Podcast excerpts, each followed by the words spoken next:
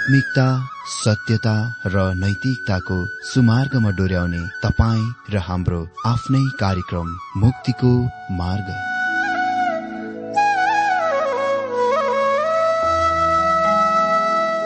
आदरणीय श्रोता यस मुक्तिको मार्ग कार्यक्रममा हार्दिक स्वागत छ आशा छ यस आत्मिक कार्यक्रमद्वारा जीवनमा आत्मिक आशिष अलौकिक शान्ति र आनन्द प्राप्त गर्नुहुनेछ। र जीवनमा धन्य अनुभव गर्नुहुनेछ। आउनुहोस् श्रोता। मन र आत्माको तयारीको लागि यो मिठो अनि मधुर भजन गीत सुनौ।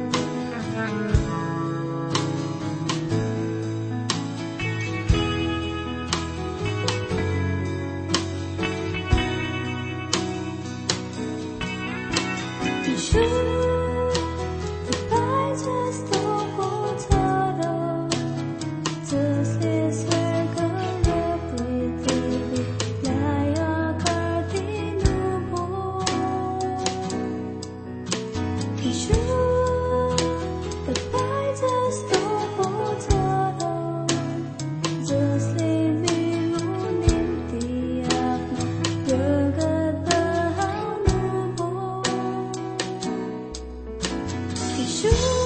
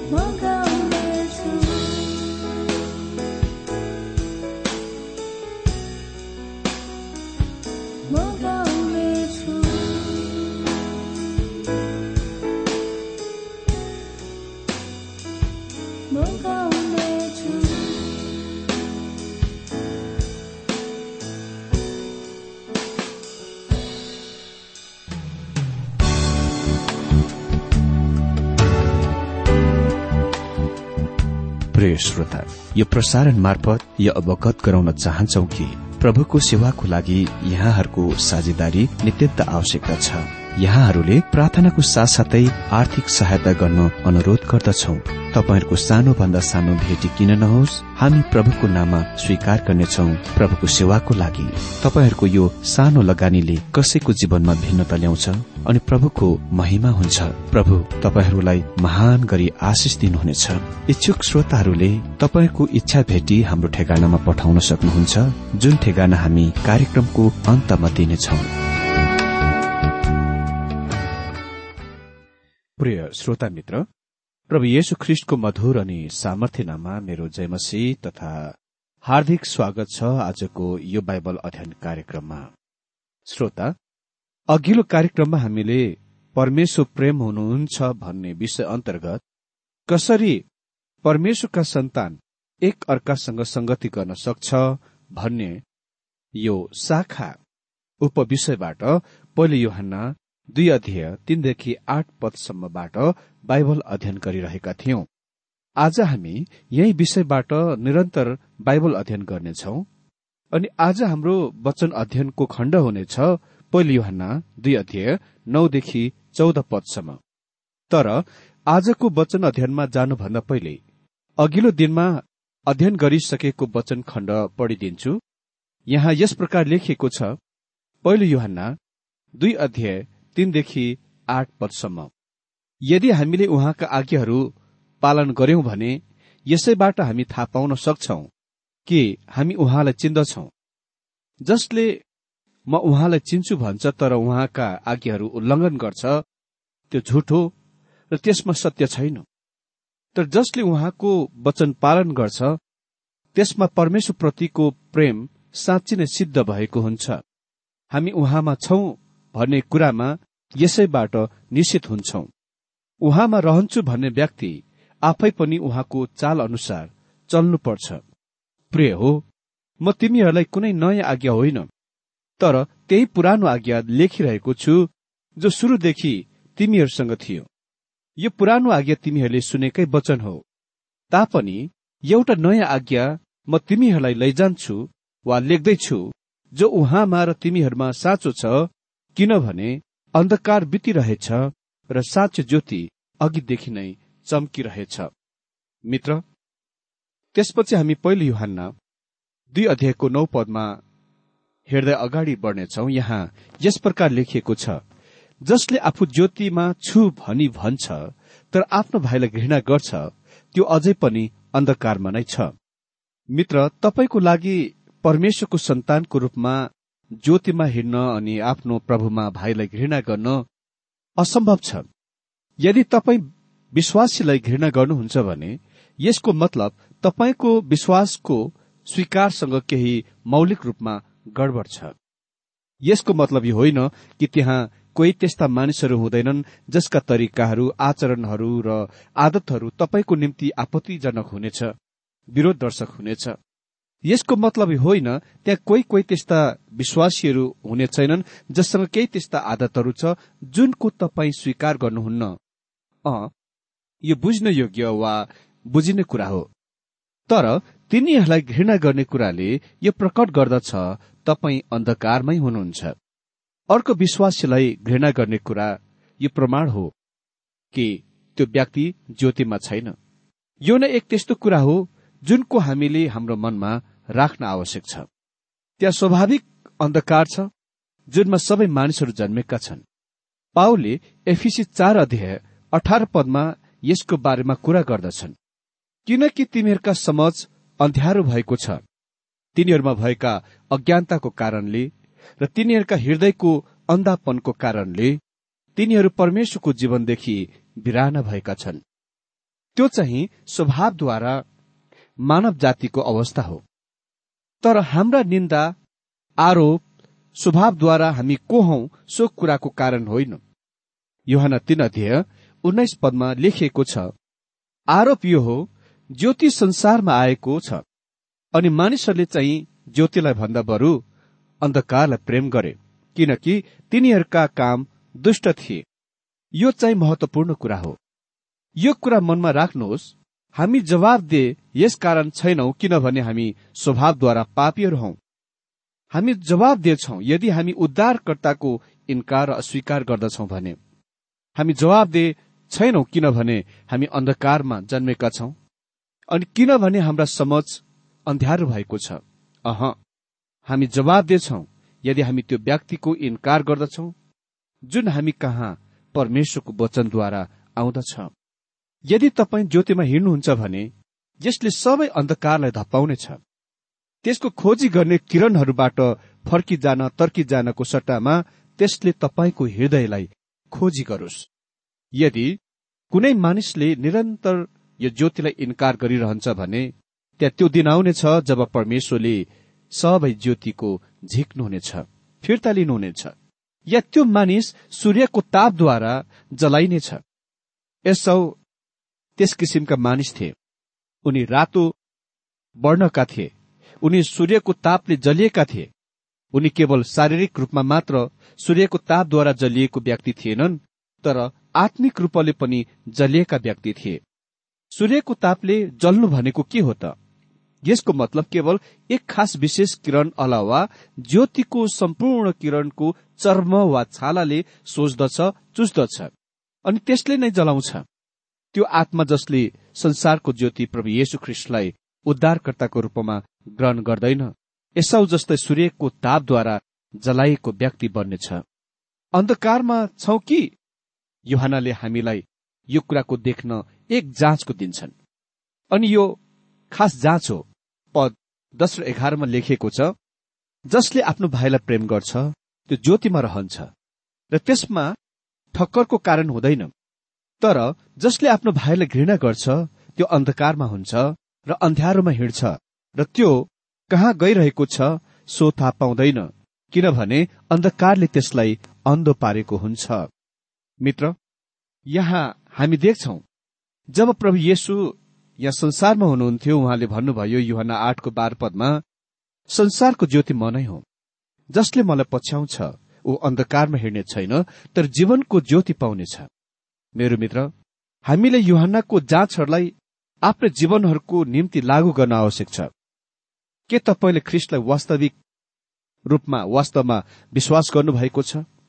के उहाँ तपाईँको ज्योति हुनुहुन्छ? के उहाँले नै तपाईँलाई डोर्याउनु भएको छ र तपाईँ आफ्ना प्रभुमा भाइलाई घृणा गरिरहनु भएको छैन? मित्र निश्चय नै त्यहाँ कोही कोही अन्य विश्वासीहरू छन् जसका आदत र आचरणहरू तपाईँ मन नपराउनुहोला तपाईँ तिनीहरूका केही अभिव्यक्तहरूको बोलीहरूको मन नपराउनुहोला। तर यसको मतलब यो होइन कि तपाईँ उहाँलाई वा उसलाई घृणा गर्नुपर्छ। अह जब म बाइबल कलेजमा थिएँ मलाई एकजना त्यस केटासँग कोठामा रहन वा कोठा बाँड्न दिइएको थियो। जससँग त्यस्ता केही घटिया आदतहरू थिए जस्तो कि मैले कुनै ख्रिस्टियनको जीवनमा कहिले पनि देखेको थिइनँ। जब म विस्तारमा आराम गर्न जान्थे र निदाइरहेको बेला उनी मध्यरातमा उठेर गीत गाउन थाल्थे। उनी पूरा दिनभरि त गाउँदैनथे। तर एघार बजेपछि रातमा उनी गाउने गर्दथे ठूलो ठूलो आवाजले। उससँग त्यस प्रकारका धेरै घटिया आदतहरू थिए। त्यसैले एक दिन मैले उसलाई भने तिमीलाई थाहा छ तिमी मेरो निम्ति सबभन्दा ठूलो प्रमाण हौ कि म परमेश्वरको सन्तान हुँ। उसले मलाई भन्यो तिम्रो भनाइको तात्पर्य के हो ह? मैले उत्तर दिए तिमी अति नै खराब आदतका क्रिस्चियन हौ जस्तो कि मैले आफ्नो जीवनमा कहिले पनि भेटाएको छैन। तर म यस कुरा तिमीलाई अवगत गराएको वा अवगत भएको चाहन्छु कि म तिमीलाई प्रेम गर्छु। उसले मतिर हेरेर भने तिमीले यो थाहा पाएको म चाहन्छु कि तिमी सबभन्दा तिरस्कार योग्य घृणा योग्य ख्रिस्टियन हौ जस्तो कि मैले कहिले पनि भेटेको छैन।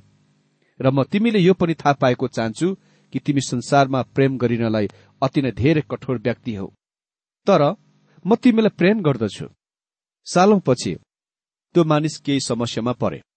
र मैले उसलाई भेट गर्न यो मनसायले गए यदि मैले गर्न सक्ने कुनै मदत सहायता भए म उसलाई निश्चय नै मदत गर्नेछु। जब मैले उसलाई भेटे उनी झन प्रेम गरिन योग्य व्यक्ति कति पनि रहेका थिएनन्। जति उनी त्यस बेला प्रेम गरिन योग्यका थिए जब हामी दुवैले एउटा कोठाको बाडेका थियौं एउटै कोठामा रहन्थ्यौं उनी अझ धेरै विरोध गर्ने योग्य र अप्रिय बनेका थिएछन्। र म सोच्दछु उसले मलाई पनि उही अवस्थामा भेटाए होला तर मैले उसलाई घृणा गरिन। त्यो मानिस परमेश्वरको सन्तान थिए र परमेश्वरले उसलाई अद्भुत रूपमा सेविकाईमा प्रयोग गरिरहनु भएको थियो। धेरै तरिकाहरूमा उनी महान व्यक्ति थिए।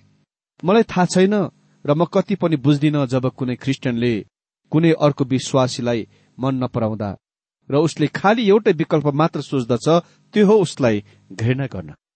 तपाईँले उसलाई कति पनि घृणा गर्नु हुँदैन। तपाईँले उसलाई परमेश्वरको सन्तानको रूपमा प्रेम गर्नुपर्छ। मेरो मित्र युहानले यहाँ अति नै महान कथन दिएका छन् एघार पदमा लेखिएको छ तर जसले आफ्नो भाइलाई घृणा गर्छ त्यो अन्धकारमा हुन्छ र अन्ध्यारोमा हिँड्छ। र त्यो कहाँ गइरहेछ सो थाहा पाउँदैन किनभने अन्धकारले त्यसलाई अन्धो पारेको हुन्छ। यदि तपाईँ निश्चयको लागि थाहा पाउन चाहनुहुन्छ कि तपाईँ परमेश्वरको सन्तान हुनुहुन्छ यो जाँचलाई तपाईँको आफ्नो जीवनमा लागू गर्नुहोस्। यदि तपाईँले आफ्नो भाइलाई घृणा गरिरहनु भएको छ भने तपाईँ अन्धकारमा बसिरहनु भएको छ। यदि तपाईँले प्रभुमा आफ्ना भाइलाई प्रेम गरिरहनु भएको छ भने तपाईँ ज्योतिमा रहिरहनु भएको छ। यस बिन्दुमा यो मलाई यस्तो देखाइ पर्दछ हामीसँग त्यो विषयबाट हटिजाने कुरा छ जुनको युहनाले पछ्याइरहेका छन्। उसले विश्वासीहरूको तीन विभिन्न श्रेणीहरूको बारेमा कुरा गर्न आरम्भ गर्छन्। बाह्र पदमा भन्छन् मेरा साना बालकहरू म तिमीहरूलाई लेखिरहेछु किनभने उहाँको नाउँको खातिर तिमीहरूका पाप क्षमा भएको छ। यहाँ उल्लेखित साना नानीहरू ग्रिक शब्द हो टेक्निया। जुनको अर्थ हो साना जन्मेकाहरू। र म सोच्दछु कि यसले साना ठूला परिपक्व र अपरिपक्व सबै विश्वासीहरूलाई संकेत गर्दछ। सबै ख्रिस्टियनहरू आश्रित हुने आधार ख्रिस्टको रगतको खन्याईको कारण पापको क्षमा हो। भनिएको छ उहाँको नामको निम्ति तिमीहरूका पापहरू तिमीहरूलाई क्षमा भएका छन्। केही ख्रिस्टियनहरू साना नानीहरूको त्यस स्थानमा अवस्थामा रहन्छन् र त्यस क्षेत्रबाट कहिले निस्किआउँदैनन् र अगाडि बढ्दैनन्। अहिले युहान अर्को समूह झुण्डका मानिसहरूतिर चल्छन् फर्किन्छन् तेह्र पदमा भन्छन् पिताहरू म तिमीहरूलाई लेखिरहेछु किनभने सुरुदेखि नै हुनुहुनेलाई तिमीहरूले चिन्दछौ। युवकहरू म तिमीहरूलाई लेखिरहेछु किनभने तिमीहरूले त्यस दुष्टलाई जितेका छौ।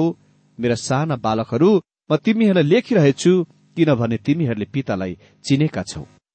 यहाँ उल्लेखित पिताहरू चाहिँ ती पवित्र जनहरू विश्वासीहरू हुन् जसले प्रभु येशुलाई धेरै सालदेखि जान्दछन् र वृद्धि भएका छन् बढेका छन् र परिपक्व भएका छन्। व्यक्तिगत रूपमा म सोच्दछु कि दाउदले भजन संग्रह तेइसको लेखे जब उनी वृद्ध मानिस थिए। उसले त्यो भजन जवान गोठालाको रूपमा लेख्न सक्दैनथे किनभने यो त्यो भजन हो जुन जीवनको परिवर्तन वा उलेटफेरबाट वृद्धि भएको थियो बढेको थियो। दाउदले सबै प्रकारका समस्याहरू र खतराको सामना गरे र उनी परमेश्वरसँग संगतिमा जीवन जिएका थिए। उनी परिपक्व परमेश्वरको सन्तान थिए अनि निश्चय नै योहन्नाको पिताहरूको श्रेणी वा वर्गमुनि उनी आउँदछन्।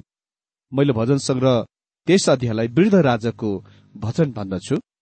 म विश्वास गर्दछु कि दाउदले आफ्नो सिंहासनमा बसेर पछाडिका आफ्ना दिनहरू अतीतका आफ्ना दिनहरू आफ्नो जीवनको विचार गर्दै यसको लेखे।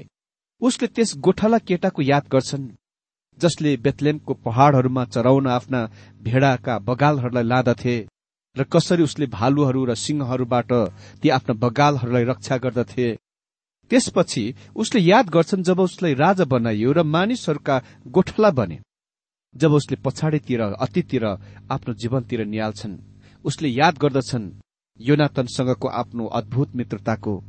राजा साउलबाट उसको भाग्ने भगाई छिप्पिने कुरो।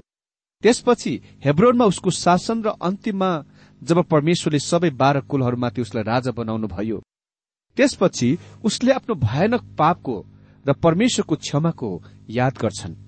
जब उसले त्यसको उहाँको सामने स्वीकार गरे उसले आफ्नो घरमा परिवारमा समस्याको याद गर्छन् किनभने परमेश्वरले उसलाई ताड़नामा लानुभएको थियो अनुशासनमा लानुभएको थियो। विशेष गरेर अफसालोमको विद्रोह। त्यो पुत्र जसलाई उसले अति नै धेरै प्रेम गर्दथे र मन पराउँथे। उसले फेरि यरुसलेमबाट आफ्नो भगाईको र कठिन र जोखिम प्रवासी जीवनको याद गर्छन्। त्यसपछि अफसलोमको मृत्युको समाचारको पाउने कुराको याद गर्छन् जुन उसको निम्ति वास्तवमा अति नै हृदय टुटाई व्याकुलताको कुरा थियो।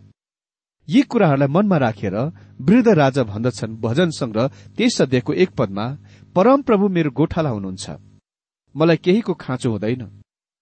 परमेश्वरको परिपक्व सन्तानको रूपमा उनले विस्तारपूर्वक कहन्छन् कि कसरी परमेश्वरले उसलाई हरियो खर्कमा र सुकचैनको पानीनेर डोर्याउनु भयो र उसको प्राणलाई पुनर्जीवित पार्नुभयो।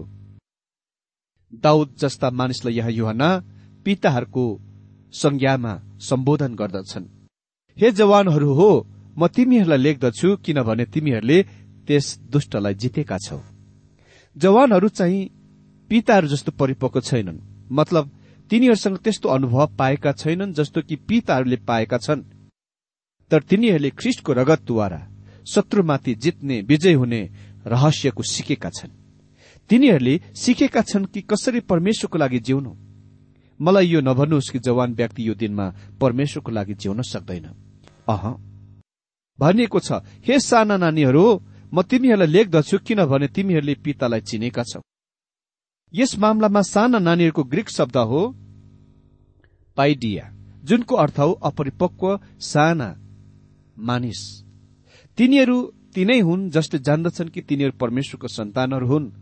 तर बस त्यति मात्र तिनीहरूले जानेका छन्। अनि तिनीहरूमध्ये कोही सोच्दछन् बस त्यति मात्र तिनीहरूले जान्न चाहन्छन्। ओ कति धेरै परमेश्वरको सन्तान यो वर्गमा यो श्रेणीमा पर्दछन्। कुनै मण्डलीहरूमा तपाईँलाई यस्तो लाग्दछ कि मानौ तपाईँहरू आत्मिक नर्सरी वा शिशु गृहमा हुनुहुन्छ। यद्यपि तिनीहरू शारीरिक रूपमा पूर्ण परिपक्व भए तापनि र तिनीहरूमध्ये कोही कोहीको त केस फुलिसकेको छ। तिनीहरू अझै आत्मिक रूपमा अपरिपक्व छन्। तिनीहरू कहिले पनि बढेनन् विकास भएनन् र हुँदैनन्। अहिले योनासँग थप्नलाई अतिरिक्त केही कुरा छ त्यसकारण उनी फेरि एकपल्ट यी विश्वासीहरूका यी प्रत्येक श्रेणीहरू वा वर्गतिर जान्छन्। चौध पदमा लेखिएको छ पिताहरू म तिमीहरूलाई लेखिरहेछु किनभने शुरूदेखि नै हुनुहुनेलाई तिमीहरू चिन्दछौ। युवक हो म तिमीहरूलाई लेखिरहेछु किनभने तिमीहरू बलिया छौ र परमेश्वरको वचन तिमीहरूमा रहन्छ र तिमीहरूले त्यस दुष्टलाई जितेका छौ। हे पिताहरू हो मैले तिमीहरूलाई लेखेको छु किनभने जो शुरूदेखि हुनुहुन्छ उहाँलाई तिमीहरूले चिनेका छौ। युहानाले त्यसमा केही कुरा पनि थप्दैनन् किनभने तपाईँ त्योभन्दा पर जान सक्नुहुन्न। पाओले यसको यसरी व्यक्त गरे फिलिपी तीन अध्ययको दश पदमा उहाँको बौरी उठाइको सामर्थ्यलाई र उहाँको दुःखको संगतिलाई जान्न सकौं। यसले नै कुनै विश्वासीलाई ख्रिस्टमा पिता बनाउँछ। मेरो मित्र तपाईँ कसैलाई वा कुनै व्यक्तिलाई कसरी जान्नुहुन्छ त? प्रत्येक समय उससँग रहेर। मैले यो कुराको पत्ता लगाएको छु कि मेरो पत्नीले मलाई जान्दछिन्। तिनी मसँग निकै लामो समयदेखि रहेकी छिन् र तिनले मलाई धेरै राम्ररी जान्दछिन् अनि म पनि तिनलाई राम्ररी जान्दछु। अहिले हामी कसरी प्रभु येशु ख्रिस्टलाई जान्न थाहा पाउन गइरहेका छौं त?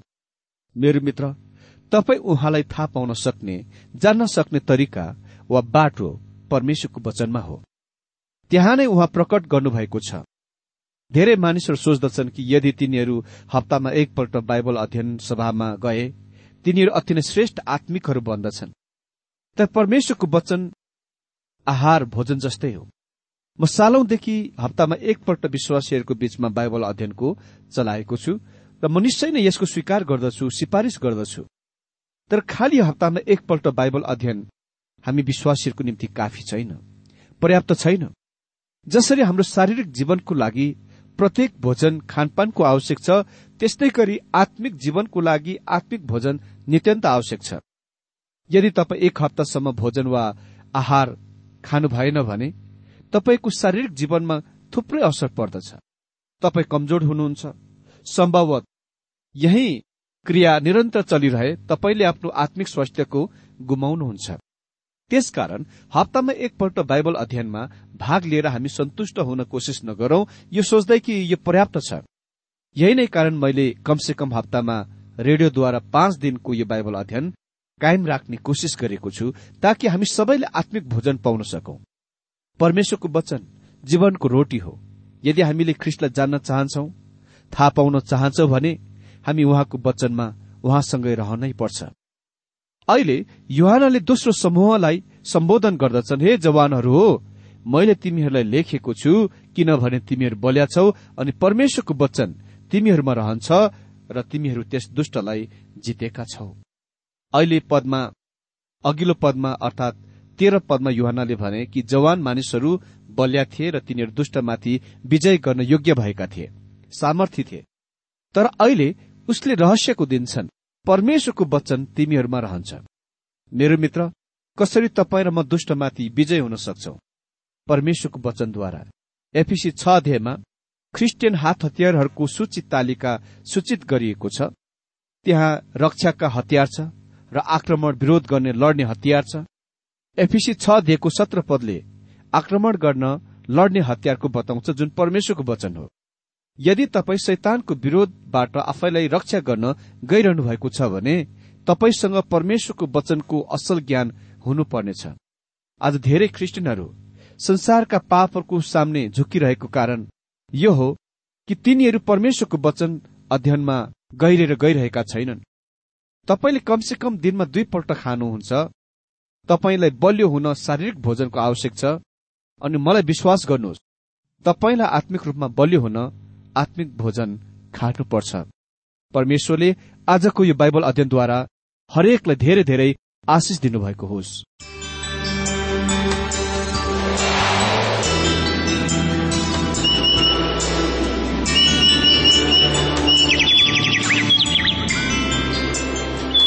प्रिय श्रोता अहिले भर्खरै तपाईँले टीडब्ल्यूआर नेपालद्वारा सञ्चालित आत्मिक कार्यक्रम मुक्तिको मार्ग सुनिरहनु भएको थियो। श्रोता आजको यो कार्यक्रम सुनेर तपाईँलाई कस्तो लाग्यो? यदि यो कार्यक्रम सुनेर मनमा कुनै खुल्दुली वा कुनै प्रतिक्रिया अर्थात सुझावहरू छन् भने हामीलाई पत्रद्वारा लेख्न सक्नुहुनेछ।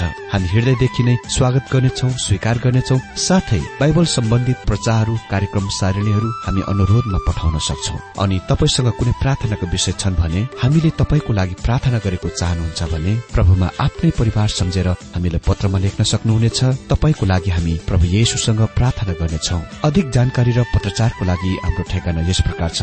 कार्यक्रम मुक्तिको मार्ग जीपीओ नम्बर उनानब्बे पचहत्तर एपिसी पच्चिस एकसठी काठमाडौँ। ठेगाना एकपल्ट सुन्नुहोला। कार्यक्रम मुक्तिको मार्ग जीपीओ नम्बर उनानब्बे पचहत्तर एपिसी पच्चिस एकसठी काठमाडौँ। हाम्रो इमेल एड्रेस हो TWR Nepal at dot com. साथै यस नम्बरमा एसएमएस गर्न सक्नुहुनेछ। अन्ठानब्बे चार सत्तरी पैतिस छ सय उनासी नौ आठ चार सात जिरो तीन पाँच छ सात नौ। हुन्छ श्रोता आजलाई हामी विदा चाहन्छौ। अर्को कार्यक्रममा हामी पुनः भेट्नेछौ तबसम्मलाई नमस्कार।